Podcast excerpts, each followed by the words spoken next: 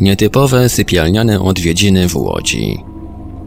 O sypialnianych gościach, po angielsku bedroom visitors, słyszymy dziś rzadziej niż dawniej. Choć wielu badaczy uważa to za typowe przypadki hipnagogi, istnieją sprawy rzucające na to zjawisko nowe światło. Takim jest zdarzenie z 26 na 27 stycznia 2014 roku, którego bohaterem był pewien mężczyzna z Łodzi. Budząc się w nocy zauważył on przy łóżku niewielką postać o bardzo nieprzyjemnym wyrazie twarzy, która dotknęła jego szyi czymś, co przypominało W styczniu tego roku badacz Arkadiusz Miazga otrzymał od mieszkanki Łodzi przejmujący opis zdarzenia, którego świadkiem był jej mąż. W nocy z 26 na 27 stycznia 2014 roku zetknął się on oko w oko z tajemniczą postacią, która wpisuje się w kulturowy wizerunek kosmity. Pani Magda, imię fikcyjne, postanowiła pomóc mężowi, który nie umiał sam sobie wytłumaczyć, czego w rzeczywistości doświadczył, i na swój sposób przeżywał to, tłumiąc swoje obawy i lęki. Oto pierwszy opis pani Magdy. Dziś wczesnym rankiem mój mąż opowiedział mi, co przydarzyło mu się tej nocy z 26 na 27 stycznia. Do tej pory widzę, że jest bardzo zdenerwowany. Choć należy on do niezwykle spokojnych osób, to wciąż trzęsą mu się ręce. Mieszkamy od półtora roku w starej zabytkowej kamienicy w centrum Łodzi. Mimo, że kamienica ma około 150 lat i zapewne jej mury niejedno widziały, to ogólnie odczuwam dobrą aurę. Zresztą nie tylko ja. Każdy, kto się u nas pojawia, czuje się tutaj dobrze. Kiedy się tutaj wprowadzałam, nie miałem pewności, czy mój mąż ze mną tu zamieszka. Dlatego też nie mamy typowej sypialni. Ja śpię na kanapie w salonie, on zaś stroi rozkładany fotel typu Amerykanka. W pokoju obok są zaś dwa łóżka, na których śpią nasi synowie. Sześcioletnie bliźniaki. Z relacji męża wynika, że ze snu wybiły go hałasy. Nie było to akurat dziwne, bo każdej nocy nasi synowie wybudzają się w nocy i przychodzą do nas do łóżek. Więc dla nas to już norma, a nawet rytuał. Poza tym w pokoju chłopaków mamy spory bałagan i na podłodze leży masa zabawek i ubrań, także łatwo jest na coś nadepnąć. Mój mąż się obudził, ale wciąż był półprzytomny, jednak przy swoim łóżku nie zauważył żadnego z naszych synów. To była niewysoka postać, raczej o karłowatym wzroście, czarnych oczach i z czarnym kapturem naciągniętym na głowę. Twarz mało widoczna, ale w jego ocenie był to mało przyjemny widok. Mąż dodał, że miał wrażenie, jakby ta postać się z niego nabijała. Próbowałem dopytać, czy słyszał śmiech, ale okazało się, że nie, że to grymas twarzy sprawiał takie wrażenie, coś jakby szyderczy uśmiech. Mąż leżał na plecach, choć zawsze śpi na brzuchu. Kątem oka widział obu synów śpiących razem na łóżku obok. Postać przy jego łóżku miała w ręku coś na kształt strzykawki, ale bez igły.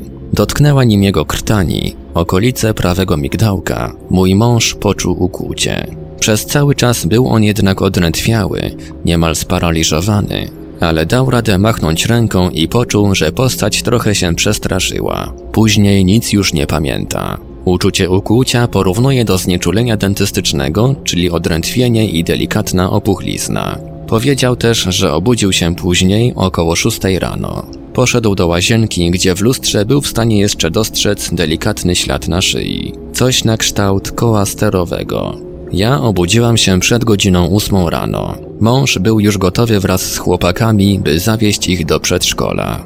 Jednak nie pojechali. Od razu zauważyłam, że coś się z nim dzieje. Widać było, że jest zdenerwowany. I choć w takie historie ciężko uwierzyć, to stwierdziłam, że muszę podejść do tego poważnie. Stąd zaczęły się moje poszukiwania w internecie i tak natrafiłam na pana blog. Do tej pory nie wiem, jak podejść do tego tematu. Próbuję go analizować. Co moim zdaniem może potwierdzać, że to prawdziwa historia? Po pierwsze, nie mamy w domu telewizora, nie oglądaliśmy żadnego filmu czy programu o tej tematyce, który mógłby sprowokować na przykład tego typu sny. Mój mąż jest ogólnie sceptyczny, jest wierzącym i praktykującym katolikiem, ale to jedyne w co wierzy. Można by jeszcze pomyśleć, że to wybryk naszych synów. Wydaje się to możliwe, w końcu mają już 6 lat, więc pewnie byliby w stanie zrobić taki żart. Ale w ich przypadku to niemożliwe, bo są niepełnosprawni, to znaczy mają autyzm. Nie są w stanie uknąć tak misternego planu, gdyż mają trudności z podstawowymi czynnościami, chociażby samoobsługowymi. Przypomniała mi się też jeszcze jedna historia. Może zupełnie bez znaczenia, a może nieprawdziwa. Było to rok temu. W pokoju chłopców, między ich łóżkami, stała wówczas wspomniana wcześniej sofa Amerykanka. Często odwiedzała nas moja babcia, która zostawała na jedną, dwie noce. W ciągu dnia pomagała mi zajmować się domem. Niestety moja babcia ma sporą wadę wzroku, widzi głównie na jedno oko, więc z tego względu jej relacje łatwo można podważyć. Lecz mimo swojej wady wzroku i 73 lat jest sprawną, energiczną kobietą. Po którejś nocy opowiedziała mi, że widziała przy łóżku czarny łebek, postać jak nasz syn. Syn ma około 1,30 m wzrostu. Jednak nie mógł to być on, bo sama zdała sobie szybko z tego sprawę, że chłopcy śpią razem z nią na łóżku. Obie jednak zbyłyśmy to żartem i uznałyśmy, że to był sen. Ale mój mąż wady wzroku nie ma, jest silnym, zdrowym mężczyzną i sprawy zjawisk nadprzyrodzonych traktuje z przymrużeniem oka. Opis rzeczywiście przypomina typową wizytę istoty w sypialni. Niestety sam świadek nie chciał mówić o zdarzeniu, ale na zadane pytania Arkadiusz Miazga otrzymał interesujące odpowiedzi od jego żony. Nie możemy tutaj podać wielu prywatnych szczegółów z ich życia, które są bardzo ważne dla całokształtu sytuacji. Ciekawostką potwierdzającą realność przeżyć męża pani Magdy był znak, jaki odkrył rano na szyi po lewej stronie. Skoro jest znak, jest dowód fizyczny. Niestety świadkowie popełnili błąd i zamiast jedynie oglądać go, nie pomyśleli, by wykonać choćby jedno zdjęcie. Dzień po zdarzeniu na szyi znajdowała się w miejscu znaku opuchlizna, która również znikła. Początkiem zdarzenia był nieokreślony hałas, jaki usłyszał świadek, myśląc, że to któryś z synów nadepnął na zabawkę. Spowodowało to, że się przebudził, choć jego żona nie zareagowała na ten dźwięk. W tym momencie zobaczył postać stojącą przy komodzie, jak to określił, tyłem do niego, ale tuż przy łóżku, w którym spała jego żona z synami.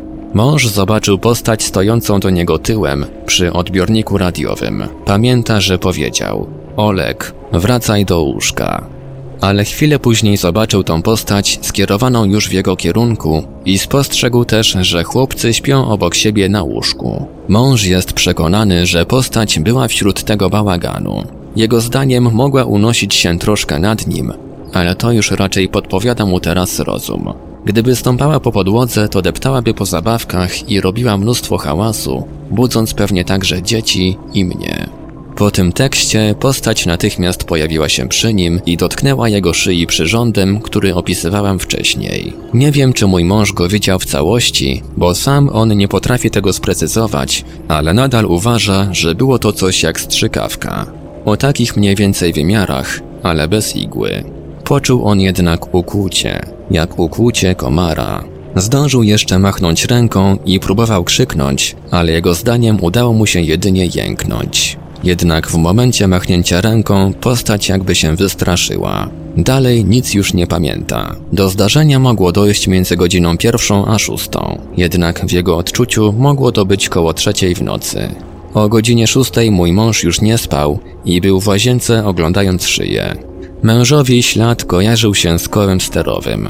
Ja wstałam przed ósmą rano i po obejrzeniu jego szyi nie zauważyłam nic poza opuchlizną. Nie było żadnych kresek, linii, kół i innych takich. Po pana mailu oglądałam jeszcze raz szyję męża i jedyne co mogłam zauważyć to obrzęk, ale nie był jakiś znaczny. Ponadto było to jedynie ciut jaśniejsze od naturalnego odcienia skóry. Wygląd postaci został opisany przez świadka dość dokładnie. Według niego istota miała około 1,20 m wzrostu, odziana była w coś w rodzaju czarnej tkaniny z dużym kapturem.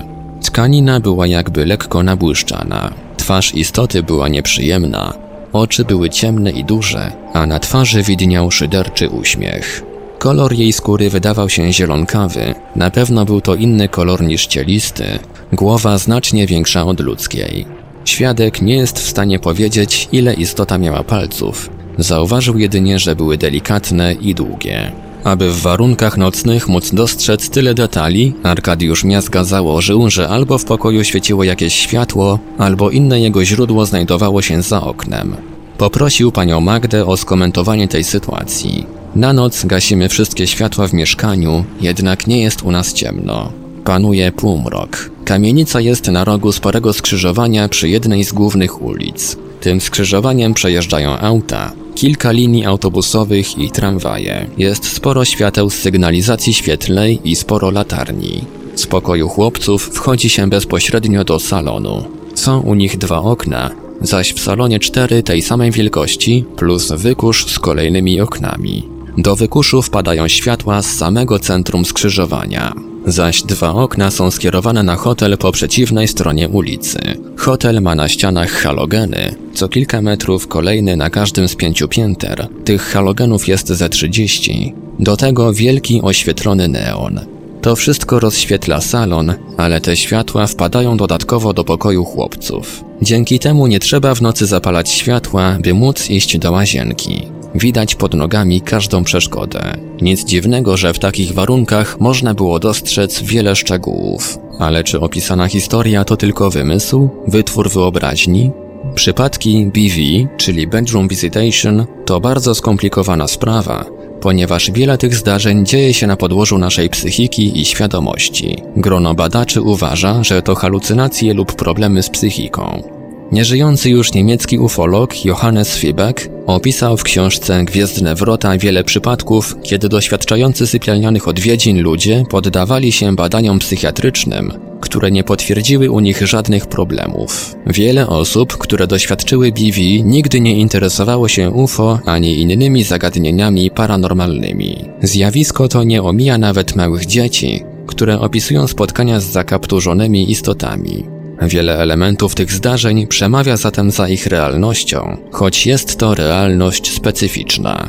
Zdaniem Arkadiusza Miazgi, społeczny odbiór UFO, w tym opisy spotkań z pasażerami tych obiektów, ewoluują. Dawniej interpretowano to przez pryzmat spotkań z aniołami czy istotami magicznymi. Po rozpoczęciu współczesnej fali UFO dosłownie eksplodowała liczba spotkań z różnorakimi istotami, od karłów po przypominających ludzi nordyków. Wizerunek szaraka został spopularyzowany dopiero w latach 80. Co ciekawe, sypialniane odwiedziny również wywołują zmiany w świadomości ludzi, ale z racji tego, że dzieją się na pograniczu snu, ich ocena wydaje się utrudniona. W przypadku złodzi świadek zapamiętał jednak ruchy ręką, wypowiadane słowa, ukłucie, a nawet wygląd przedmiotu przypominającego strzykawkę.